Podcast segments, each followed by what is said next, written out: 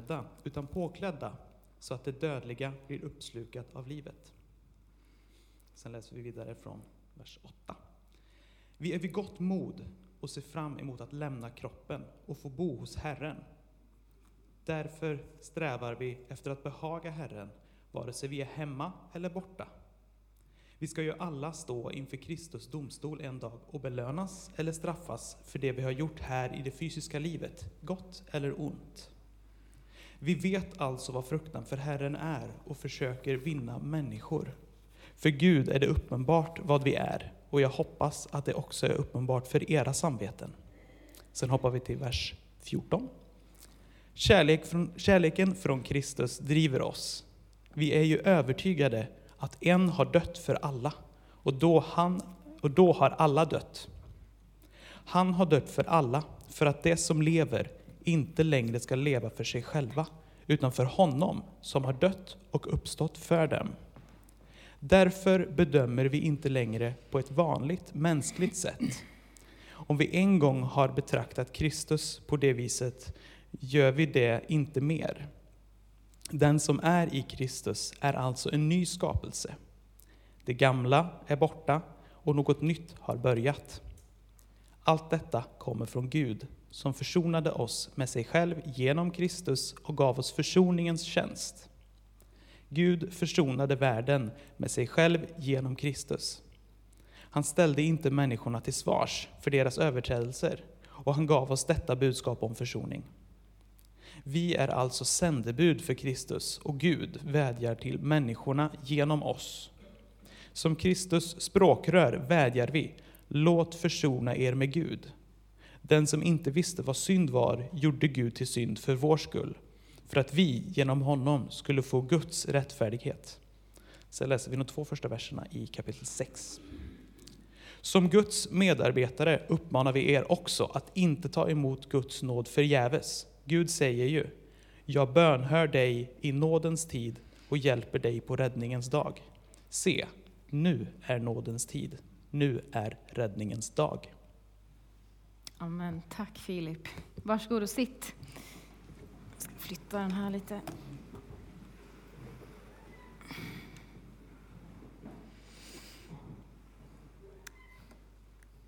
Caroline Bergman heter jag. Eh, jobbar, eh, ja, är anställd i den här församlingen, men är föräldraledig och nu är jag här på nåder och får predika lite ändå. Det ska bli spännande, minst sagt. Och vi kan väl bara börja med att be. Jag behöver det i alla fall. Tack Jesus för att du är här. Tack helig Ande för att du är här. Vi välkomnar dig att öppna våra hjärtan och tala till och genom oss, Herre. Hjälp oss att släppa alla bekymmer vi kanske kommer hit med och lägga dem vid ditt kors. Jag ber att du ska få tala idag. I Jesu namn, Amen. Min predikan idag, och eh, rubriken för den, är Förankrad i evangeliet. Och att vara förankrad i någonting, alla kanske känner till ett ankare, vad det har för funktion. Man kastar det på botten när man vill att ens båt inte ska drifta iväg. Hej Like! och eh, när man förankrar någonting, oavsett om det är ett fysiskt ankare eller om det är en idé eller eh, vad det än kan vara, något, så ser man till att det får stöd eller fäste. Och jag tror att det bästa vi kan göra är att förankra våra liv i evangeliet. Och det handlar inte om att vara fast. För en båt som är förankrad, den står inte stilla. Den kan ju röra sig, beroende på hur långt snöret är visserligen. Men man riskerar inte att drifta bort eller liksom hamna på andra platser än de man hade önskat. Utan man är tryggt förvissad om att man är på säkert avstånd på något sätt. Eh, för typ kanske var det tre år sedan, så var vi i Göteborg och så var det en varm dag så vi åkte och badade på klipporna. Och eh, kastade oss i vattnet och började simma och märkte vad, vad lätt det var att simma idag. Tills vi vände oss om och insåg att vi har kommit väldigt långt bort på väldigt kort tid och vi har alltså åkt med strömmen ut. Eh, och glädjen bytte snabbt ut mot rädsla och man fick kämpa sig in mot land igen. Att simma var ju egentligen inte felet, men det var att liksom tanklöst flyta med strömmen. Ehm, och är man inte uppmärksam så riskerar man att finna sig längt, längre bort än vad man önskat. Och ibland kan det gå fort, ibland kan det ta lång tid, men det kan ske liksom omärkbart om man inte är uppmärksam. 2019 så var jag och David på en surfweekend i Basken. Eh, det låter ju fancy, men vi är inte så duktiga på att surfa. Eh, och eh, en grej som var väldigt viktig även där var just det här att ha koll på strömmen. Och man fick hela tiden påminnelse om att oj, vänta, nu måste vi tillbaka till utgångsläget igen, för nu har vi hamnat 50 meter bort här borta. Ehm, och det är lite det jag vill att vi ska göra idag, att vi ska ta, tillbaka, ta oss tillbaka till utgångsläget. Jag vill påminna oss om evangeliet, ursprunget för vår tro. I första Korinthierbrevet 15 så stämmer jag in i Paulus ord. Han säger... oh, nu se, behöver jag dricka lite.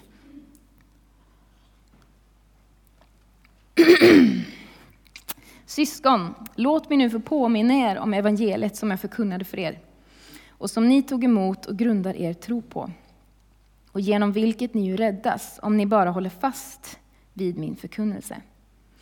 För om ni inte gör det, då är er tro meningslös. Kärnan, här kommer evangeliet då, i det budskap som jag går vidare till er och som jag själv har tagit emot var följande. Kristus dog för våra synder i enlighet med skrifterna. Han begravdes, men på den tredje dagen uppstod han från de döda i enlighet med skrifterna. Och så fortsätter texten med hur han visade sig för först de tolv lärjungarna och sen för ännu mer människor, och för 500 personer. Och så kommer vi in på hur Paulus berättar om att, och till sist visade han sig för mig, jag som inte var värd och i vers 10 så läser vi att på grund av Guds nåd är jag nu vad jag är. Och den nåd han visar mig har inte varit förgäves. Jag har arbetat hårdare än någon annan apostel, men inte i egen kraft, utan tack vare Guds nåd som varit med mig. Evangeliet, vänner. Och när man är förankrad i evangeliet så kommer det med tre ska vi kalla det punkter kanske. Och den första är en rättighet. Vi kanske inte är så vana vid att prata om rättigheter i kyrkan, men eh, ganska vana vid att göra det i samhället. Och det är rätten, som det står i Johannes kapitel 1, vers 12, att alla som tog emot honom gav han rätten att bli Guds barn. Åt alla som tror på hans namn alltså Jesus Kristus, gav han rätten att bli Guds barn. Inte den som ser bra ut, inte den som har mycket pengar, den som passar in i det svenska samhället, eller den som är lite skön. Alla som tror på hans namn. Och vad är Jesu namn? På jul brukar vi säga att det är Immanuel, Gud med oss. Jesus är Gud med oss. Alla som tar emot honom som Guds närvaro har rätt att vara hans barn. Vi alla är skapta av Gud, men jag tror att det är något särskilt med dem som tar emot Gud, att de får rätten att bli Guds barn. Det är nummer ett. Och nummer två är att det kommer ett privilegie med att vara förankrad i evangeliet. Privilegier kan ha lite positiv eller negativ klang beroende på vilket sammanhang vi pratar. Är det i feministiska sammanhang så är det ganska negativa eh, ordalag. Ehm, I andra sammanhang kan det vara positiva. Om man har äran att få vara värd på ett bröllop till exempel, så säger man det är ett privilegium att få vara här idag. Ehm, och jag tror att det finns en viktig skillnad på om det blir en positiv eller negativ klang på våra privilegier som vi får med att vara Guds barn. Privilegierna som jag tänker är att för det första, vi har en tillhörighet som inte baseras på om vi är duktiga eller till, liksom ser ut på ett särskilt sätt, är född i en viss familj, utan vi tillhör Guds familj. Om man jämför med eh, gängkriminaliteten idag, det är också en tillhörighet. Och jag minns bara att få jobba på högstadiet i Tibro, och se hur unga människor som kanske inte passade in i alla sammanhang fångades upp av gäng, för där fanns en familj. Och man utlovade att man höll varandra om ryggen. Men när det verkligen blev jobbigt så gjorde man inte det. Ehm. Men vi har en annan tillhörighet som inte baseras på vår prestation. Vi har ett arv. I första Petrus kapitel 1, vers 3-4 så kan vi läsa att genom Kristi uppståndelse från de döda, som har fött oss på nytt till ett levande hopp, till ett arv som aldrig kan förstöras, fläckas eller vissna och som är förvarat åt er i himlen. Vi har ett arv och ett hopp som säger att oavsett hur dåligt det är idag så kommer det alltid finnas ett hopp om en bättre framtid. Om det så än är efter vår dödsbädd. Vi har också fått en evig mening. Vi har fått frihet från skuld, från skam, från syndens makt och dödens udd till ett liv i mod och hopp. Jag läste en artikel idag på dagen om en, om en tjej som under pandemin började lyssna på Läsarpodden, som är två teologer som håller, där de diskuterar olika böcker de läser. Och hon beskriver i en artikel hur hon bara öppnades upp av världar som hon aldrig hade fått kontakt med. Tankesätt som hon bara, kan man ha hopp om en bättre framtid? Jag har aldrig liksom, i min värld finns inte det. Och det kan, vi kan tycka att det känns självklart att folk har hört att det kan finnas hopp. Men det är inte självklart för alla. Vi har också ett privilegium att ha en helig ande, Guds närvaro, som kan hjälpa oss i vardagen, här och nu, imorgon, igår. Som uppfyller Guds löften. Och som finns där för oss genom mörkret och i ljuset. Det här är goda privilegier, vänner. Men min punkt nummer tre som kommer med att få förankrad i evangeliet kommer också med en skyldighet. För om vi håller de här privilegierna för oss själva och inte delar med oss till någon annan, då blir det sunkigt. Då blir det en dålig klang på de här privilegierna. Det kan låta hårt, men Jesus älskade oss först så att vi kunde älska andra. Vi behöver aldrig ge ur ett tomt kassaskrin. Vi behöver aldrig ge ur en tom plats, för Jesus älskar oss först. Han ger oss först. Han har gett oss en tillhörighet, ett arv i evig mening med våra liv. En helig ande som hjälper oss. Han har gett oss nåden att få existera, nåden att få lära känna honom. Kanske knackar Jesus på ditt hjärtas dörr. Du kanske inte har tagit emot evangeliet än. Eller så har du tagit emot evangeliet och skruvar på dig i bänken för det känns obekvämt. Måste jag dela med mig? Det passar inte mig att bjuda människor in på livet. Jag är introvert. Eller det passar inte mig att prata om min tro. Det passar inte jag känner ingen som är intresserad. Det finns kanske många anledningar till att skruva på sig. Men vi har en skyldighet att dela det vi har fått. I eh, texten vi läste här så läste Filip att Kristi kärlek driver oss. Och i eh, översättning 2000 tror jag det är, så står det att Kristi kärlek tvingar oss till och med. Och det är inget eh, tvång med piska, utan det, det är ett drivmedel för vårt delande. Vi har själva fått nåden, står det i vers 18. Vi har, Gud har gett oss försoningen. Gud har gett oss en ny start på livet.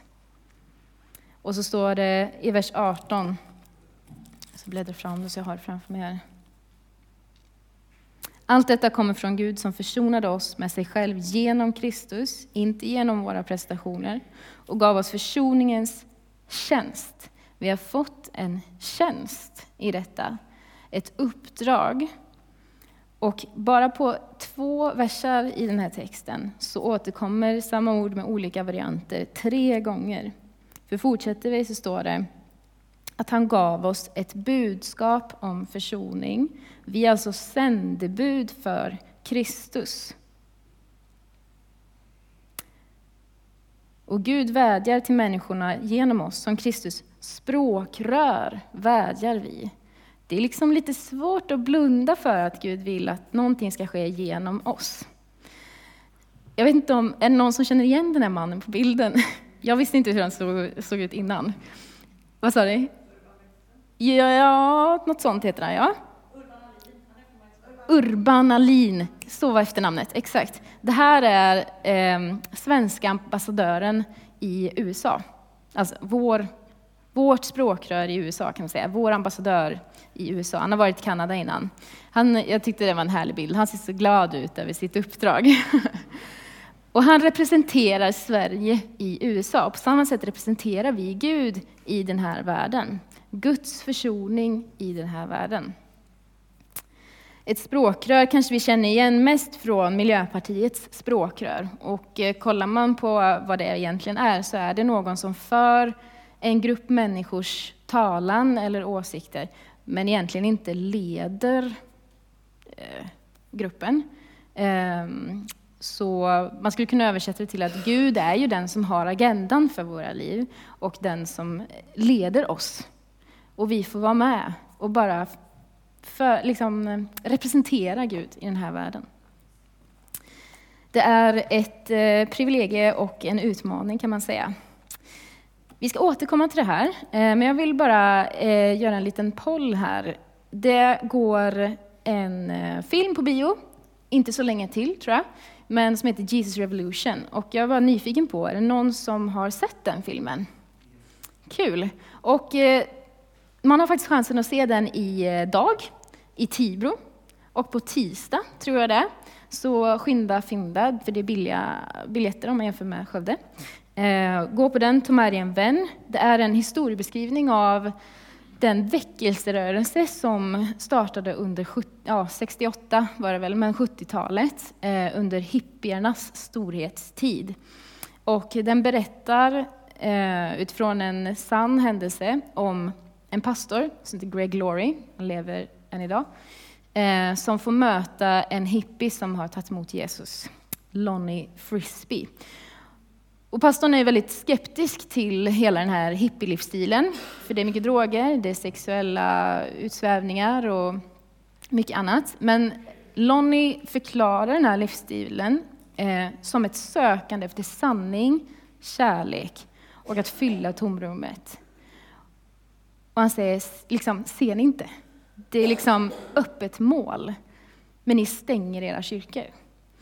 Och pastorn blir utmanad att öppna upp sin kyrka och han tar risken. Och, eh, jag läste någonstans att hälften av församlingen lämnade när de öppnade upp kyrkan för, för de här hippisarna som hade fått nys om att det finns en Gud som älskar. Eh, och där kan jag undra lite, vad, om det här skulle varit idag, kanske är på väg idag, hur kommer vi göra? Och finns det en motsvarighet till den här hippierörelsen? Finns det ett sökande efter Gud som ser ut på kanske ett konstigt eller annorlunda sätt som vi inte är vana vid? Jag bara tänker, förutom de här tre liksom, tidlösa sex, makt och pengar eh, som vi alltid kämpar med, så tänker jag bara osökt på Eh, gängkriminaliteten som jag nämnde innan. Att få en tillhörighet, mening med livet, en trygghet, någon som tar hand om, ja, ni vet. Ehm, det ser sjukt sunkigt ut eh, på ytan, men vad döljer sig under i människors liv? Vad är det de längtar efter? Och det kanske tar sig uttryck på sätt vi inte gillar. Men ska vi stänga dörren då? Eller kan vi öppna den? Jag tänker också på några, de senaste åren här nu, eh, om man hänger på TikTok, det gör inte jag, men jag hänger med människor som hänger på TikTok, eh, så vet man att det har varit en trend med new age-relaterade fenomen. Eh, stenar, tarotkort, healing. Och nu i oktober så kommer det vara en eh, mässa här i Tibro. Eh, så om man undrar, finns det folk som är intresserade av andlighet? Så kan jag säga ja, det finns det. 365 var det igår som hade anmält att de var intresserade och över 50 pers hade klickat i jag kommer. Och det där är ju alltid så siffror som inte riktigt stämmer. Det kan vara både fler och färre som kommer. Men intresset finns. Bara tre av dem som hade klickat i är grannar på min gata. Eh, så intresset finns, men vi behöver liksom fundera över, ser vi bara till ytan och, och liksom lämnar folk där? Eller vågar vi tro att det finns en längtan efter Gud? Och i så fall, vem är jag att inte bjuda in till det jag har fått tag på? Det är skillnaden tror jag mellan ett friskt och ett sunt, vad heter det? Friskt och ett sjukt privilegium. Ehm, och jag förstår att det finns anledningar till att tycka att det är svårt och jobbigt. Och snart kommer min vän här in i bilden. Den här har vi skickat till second hand. Och jag hämtade honom igen. Han är förpassad, men eh, han fick en ny chans. Och det passar väldigt bra in på mitt tema idag. Bara en notis om det här med new age. Det kostar ju att gå på de här sakerna. Men evangeliet är gratis. Du kan få förbön här helt gratis. Visserligen kan tron kosta oss allt i livet, men alla har råd med det. Alla har inte råd att lägga pengar på healing, men alla har råd att ta emot Jesus och följa honom. Okej, okay. så man kan uppleva några hinder, eller kanske undervattensströmmar, när det kommer till de här utmaningarna som jag pratar om idag. Och en grej kan vara osunt ledarskap. Vi ska se om jag kan få till min rekvisita. Det kan vara så att man känner att man har stött på ledare som man sett upp till, men som sen liksom, deras ledarskap lägger bara tyngd på börda istället. Man har höga bekännelser, men ledarna lever inte upp, lever inte upp till dem själva. Och det kan eh, göra ganska ont. Eh, delvis kan man tappa förtroendet. Eh, man kan också känna vad det här som jag har lärt mig om dem, stämmer det ens? Eh, hur ska jag kunna föra vidare någonting jag har lärt mig av någon som inte lever upp till det de predikar? Och Jesus adresserar detta i Matteus kapitel 23, Eh, där det är fariseer, lärda människor som längtar efter Guds vilja på jorden, men som eh, använder sin kunskap eh, om Gud och sin ställning, sin maktposition för att förtrycka människor, för att göra distans och känna att ja, men jag är ju duktig nog för att komma Gud nära, men inte den, för den lever inte upp till standarden. Och där kan vi både vara farisén, men också den som är utsatt för förtrycket. Oavsett så finns det en lösning från evangeliet. Ska vi se vad det ska vara för något. Jo, men vi tar bältet. Och hej Och det är Jesus ledarskap. Jesu kärlek, Jesu lära. För när Jesus kom så tog han aldrig bort det som var svårt att leva upp till. Han har en hög bekännelse, han har höga krav, han berättar om att vi ska älska våra fiender. Han har höga liksom, bekännelser. Och lösningen är aldrig att han tar bort och säger, äh, ni behöver inte älska fienderna, det är för svårt. Han fortsätter säga, älska dem, men det finns också nåd när man misslyckas. Och det finns en ödmjukhet i att vi alla behöver vända om. Vi alla brottas med detta och vi alla behöver Guds nåd för att ens närma oss de här bekännelserna. Ehm, vi har dem där uppe, men ibland är det kul att vara pedagogisk. Så Jesu lära är en bra grej att hämta från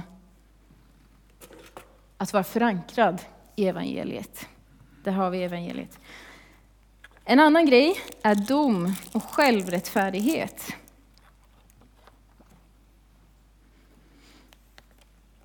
Och det är egentligen lite på samma tema. Att vi dömer andra som inte är på samma plats som oss. Och blir självrättfärdiga, för vi tänker att man förtjänar där man står idag, eller ens framtid. Man har förtjänat att hamnat där man är idag, oavsett om det är en dålig plats eller en god plats. Och vi tar lätt saker för givet. Gåvor som vi fått, när vi har fått dem så tar vi dem lätt för givna. Och det är lätt att tänka att vi har förtjänat dem, men gåvor är just gåvor. Har man förtjänat någonting så är det lön, men en gåva är oförtjänt. Och det är precis det som nåden är. Nåden, som evangeliet handlar om, att Gud dör för människan som inte klarar av att leva upp till Guds standard. Jesus dör för oss, är perfekt i vårt ställe. Det är nåden. Och även det adresseras i eh, en berättelse i Lukas evangeliet om en farisé och en eh, tullindrivare som kommer till templet. Och de båda är där för att be, för att tillbe. Så de båda är ju på rätt plats, helt klart. Men farisén stod för sig själv och bad, tack Gud för att jag inte är som de andra. Som själ, som är orätt och är otrogen i sitt äktenskap. Eller som han där borta, kanske han, tullindrivaren. Tack gode Gud att jag inte är så illa i alla fall ute med mig. Och sen lyfter Jesus fram tullindrivaren. Och vad gör han? Jo, han står en bit bort och vågar inte ens lyfta blicken mot Gud. Han slog händerna mot bröstet och ropade Gud, var nådig mot mig syndare. Och Jesus säger att han var det, inte farisén som gick hem rättfärdig. Farisén hade nog kanske gjort mer rätt i sitt liv, men det var han som ödmjukade sig som var den rättfärdige. Inte för att han hade gjort så mycket rätt, utan för att han var ödmjuk nog att erkänna att han behövde Gud. Och vi kan ha svårt att ha nåd med saker vi inte förstår, med människor vi inte förstår, med handlingar vi inte förstår. Men det är viktigt att förankra oss i evangeliet och minnas att vi är också där, vi är i samma båt. Vi alla behöver nåden. Vi tar, vi tar hjälmen. Det här är en hjälm, för alla som inte vet det. Eh, det ser inte ut som en hjälm, men det funkar som en krockkudde. Nåden. Det är hjälmen som fångar oss när vi faller. För det är lätt att vi målar upp en bild där vi väldigt gärna vill veta om vi är innanför eller utanför. Syns den här ens? Ta fram den lite. Vi vill väldigt gärna veta vem som är innanför och utanför. Och vi tänker att det finns en cirkel och en gräns som vi ska överträda utåt eller inåt. Och att de som är utanför cirkeln de är inte inom Guds nåd och de som är innanför är det. Och många gånger undrar vi, vart är jag egentligen? Men jag tänker så här, och det här är egentligen inte jag som har kommit på, utan det, jag var själv på en undervisning om detta. Kanske kan det vara så här.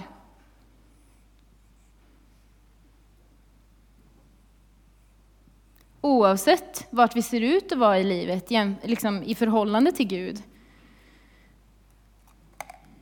kan det vara så att riktningen är det viktiga? Och att vi suddar ut den här grejen.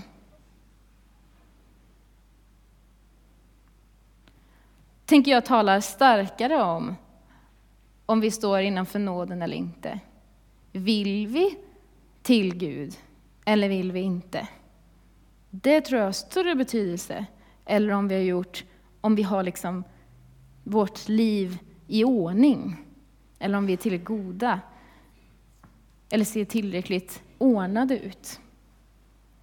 För vi kommer misslyckas. Och är vi då här, Eller är vi där? Eller vart är vi någonstans? Nej, jag tror att riktningen mot Jesus är det viktiga. Nåden är det viktiga.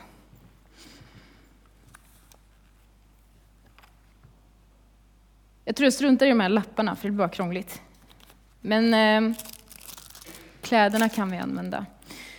För nästa hinder som man kan uppleva tänker jag tvivel. Och det finns mycket att säga om det, kanske en helt annan predikan. Och jag tror att tvivel inte behöver vara av ondo. Eh, men det är viktigt vad man gör med det. Använder du det bara för att dekonstruera din tro och ta bort allt som du någonsin byggt ditt liv på? Eller använder du det för att rekonstruera din tro och närma dig sanningen? För Jesus är sanning och kärlek. Så han är inte rädd för sanning. Och han är inte rädd för den som söker efter sanningen. Så var äkta med ditt sökande. Var äkta med att söka sanningen. Andra Korinthierbrevet eh, kapitel 4, vers 1-2 står det, eftersom vi genom Guds barmhärtighet nu har denna tjänst ger vi inte upp. Vi tar inte till några hemliga, skamliga metoder eller falska knep, förvränger inte Guds ord, utan lägger öppet fram sanningen och överlåter åt var och en att bedöma oss utifrån sitt samvete inför Gud. Vi behöver inte hålla stenhårt vid dogmer och liksom trosläror, eh, utan vi kan lägga fram Guds ord och låta människor få pröva det. Det är okej, okay, för Gud håller för att prövas. Där vill jag också sticka in från Psaltaren kapitel 34, vers 19, att Herren är nära de förtvivlade. Det är inte säkert du tvivlar på evangeliet, du kanske bara tvivlar på Guds närvaro i ditt liv, eller någonting annat. Men Herren är nära de förtvivlade. Och vi kan få stämma in i Psaltaren 26, vers 2. Ransaka mig, sätt mig på prov, Herre. Utforska mig, granska hela mitt innersta. För jag har din nåd inför mina ögon och din sanning som förebild. Jag vill uppmuntra oss till att klä på sanningen och sökandet efter sanningen. Men också öppna oss för att Guds ransakan, att jag får ansaka Gud och Gud får ansaka mig. Det är något att hämta från att vara förankrad i evangeliet. En femte punkt, jag har sju punkter, det kanske jag glömde säga, eh, men ni kan ju räkna, är stress och distraktioner. Hur många gånger har jag inte kommit hit en söndag förmiddag, eller kanske bara på vägen hit, och känt, idag igen! Jag skulle ju frågat min kompis om hon ville följa med. Det, jag, jag hade för bråttom. Jag hade för mycket att göra. Det var för stressigt. Eller hur många gånger har man inte hållit en telefon i sin hand, lagt ner den och känt en timma till? Hur kunde den försvinna? Jag hade ju så mycket annat jag ville lägga mitt liv på. Stress och distraktioner gör oss lätt modlösa när det kommer till att dela hoppet om evangeliet till vår värld runt omkring. Och det blir lätt att bli trångsynt och enkelspårig och bli närsynt kanske snarare. I Korinthierbrevet eh, kapitel 15, andra Korint, som vi är i fortfarande, vers 19 står det att Gud försonade världen med sig själv genom Kristus. Han ställde inte människorna till svars för deras överträdelser. Han gav oss detta budskap om försoning. Och han uppmanar oss i kapitel 6 att inte låta Guds nåd vara förgäves. Vi har ett löfte om ett liv som är större än där vi är just nu. Och evangeliet inbjuder oss till att tänka med större perspektiv. Att ha andra glasögon på oss. Där livet inte bara handlar om att överleva dagen, utan att jag har ett uppdrag som gäller även imorgon och livet efter döden. Vad är viktigt egentligen och vad behöver jag egentligen? Kan jag leva livet med fler inblandade? Kan vi dela livet mer med varandra? Kan vi göra en trädgårdsröjardag tillsammans istället för att vi ska äga varsin ett släpvagn och ha varsin uppsättning med trädgårdsgrejer? Kan vi dela livet och ha kul när vi röjer trädgården ihop istället? Bara en sån sak. Matteus 6 och 33. Sök först Guds rike så ska ni få allt det andra också. Punkt nummer 6. Glömska. Gud valde ett folk i Gamla Testamentet som skulle liksom vara de här ambassadörerna för honom. Och han befriade dem ur 600 års slaveri och gav dem mat att äta, ställen att bo på, ett land de inte förtjänade. Men gång på gång på gång så står det hur de glömmer vad Gud har gjort för dem och vänder sig till andra sätt att leva på, till andra gudar. De börjar klaga, de börjar knota, de börjar vända sig mot varandra för att de glömmer vem Gud är och vad Gud har gjort för dem.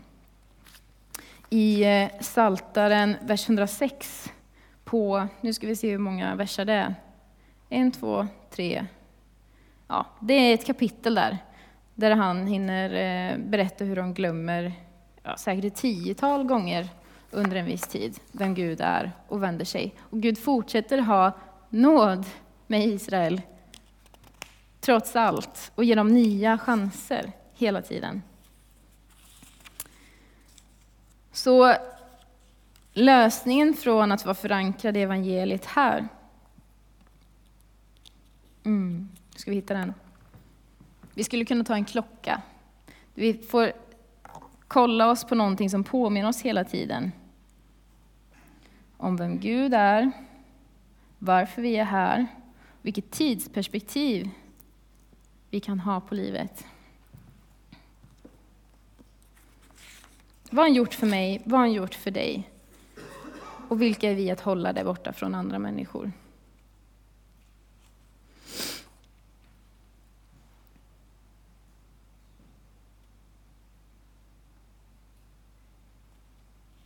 Jag har en eh, för detta kollega som var absolut intresserad av Jesus.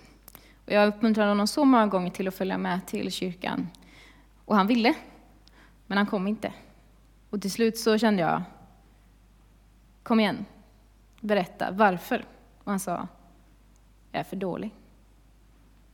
Och jag bara, välkommen in i klubben. Men jag undrar om vi förmedlar det till andra. Av någon anledning så tror han ju att han är för dålig. Och jag hoppas att det inte är vi som har fått honom att känna så. Jag tror att vi lika gärna kan känna så, utan att någon berättar det för oss. Eh, men låt oss berätta för människor att det är okej. Okay. För det är där vi genas. Det är där vi faktiskt kan känna att vi är på samma plan. Den sista punkten som jag tänkte ta upp som eh, en eventuell underström man kan känna, där ankaret kan få hjälpa oss att hitta kursen igen, är isolering. Av någon anledning så vill vi väldigt gärna isolera oss när vi inte mår bra. Och det finns en vits med att vara ensam ibland. Jesus drar sig ofta tillbaka i Bibeln, men aldrig för att vara helt ensam. För han drar sig alltid tillbaka för att tanka med Fadern, för att fylla på med Guds närvaro och påminna sig om vem han är, varför han är här. Han återvänder sen alltid till lärjungarna igen. Han var aldrig ensam för att fortsätta vara ensam, utan han var ensam för att tanka på för att sen kunna gå ut igen. Vi vill gärna isolera oss för att vi kanske känner att vi inte passar in, vi inte mår bra. Vi kanske inte är de här utåtriktade personerna. Eller så känner vi bara att vi klarar oss utan kyrkan. Det räcker att jag har min tro. Och ja, det räcker. Nåden räcker står det till och med i Bibeln. Min nåd räcker. Men den här världen behöver dig.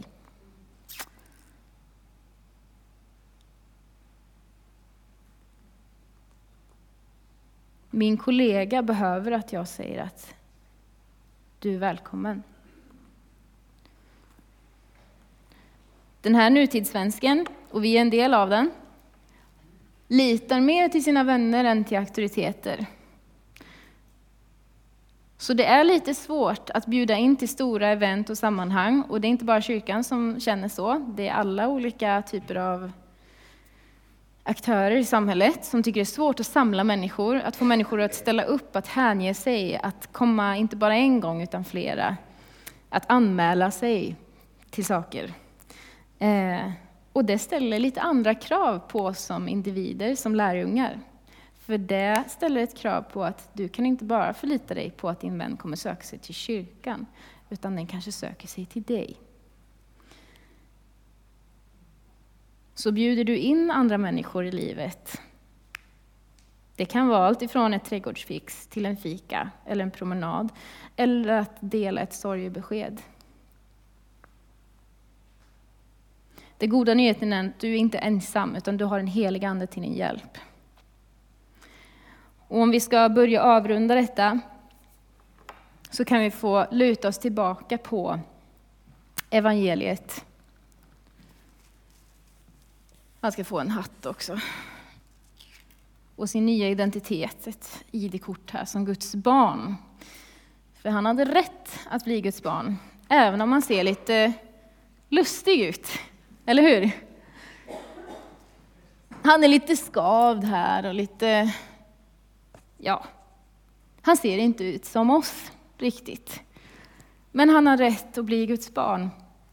Tolka mig rätt nu, det är metaforiskt. Men alla har rätt att bli Guds barn. Och det kan du få vila i. Att människor runt omkring dig har rätt att få bli Guds barn om de vill tro. Och det är en rättighet de inte vet om. Och det är ett privilegium att både mötas av och bära på evangeliet, för det ger oss goda gåvor. Och det är inget vi behöver skämmas för. Särskilt inte om vi är villiga att dela med oss av dem. När vi börjar bli liksom egoistiska med våra goda gåvor vi får från Herren, då kanske det finns anledning eh, att människor tittar lite skumt på oss. Men när vi är generösa med dem så finns det ingen anledning att skämmas över evangeliet. Och vi har ett budskap som gör oss skyldiga att inte hålla det för oss själva. Men när vi delar det så använder vi oss av evangeliets natur, nåd och sanning, kärlek, närvaro, tillgänglighet. Mod och kraft från Anden. Äkthet. Hopp och en öppen hand. Vi säger, smaka och se att Herren är god inte hot och straff, utan en, en, en välkomnande hand. Vi inbjuder att få smaka och se, och sen får människor själva avgöra. Men de måste få chansen. Ja, nåden hörni. Den är till för den som ännu inte tror, men den är också till för den som tror. Att hela tiden förankra sig i nåden genom hela livets upp och nedgångar gör att vi ändå håller oss på ytan och på den plats där vi vill vara. Nära Gud, nära barmhärtigheten, nära kärleken. Ett sista avslutande bibelord är från Timoteus kapitel 1, vers 7-10. Gud har inte gett oss en modlöshetens ande, utan kraftens, kärlekens och självbehärskningens. Därför ska du inte skämmas för att vittna om vår Herre och inte heller skämmas över mig som sitter i fängelse för hans skull. Var beredd att lida för evangeliet du också, för Gud ska ge dig kraft. Han har räddat oss och kallat oss med en helig kallelse, inte på grund av våra gärningar, utan på grund av sitt beslut och sin nåd, som han gav oss i Kristus Jesus redan före tidens början men som nu har uppenbarats när vår frälsare Kristus Jesus trätt fram. Han har brutit dödens makt och fört liv och oförgänglighet fram i ljuset genom evangeliet. Nu är nådens tid. Idag är räddningen här. För dig och för din granne.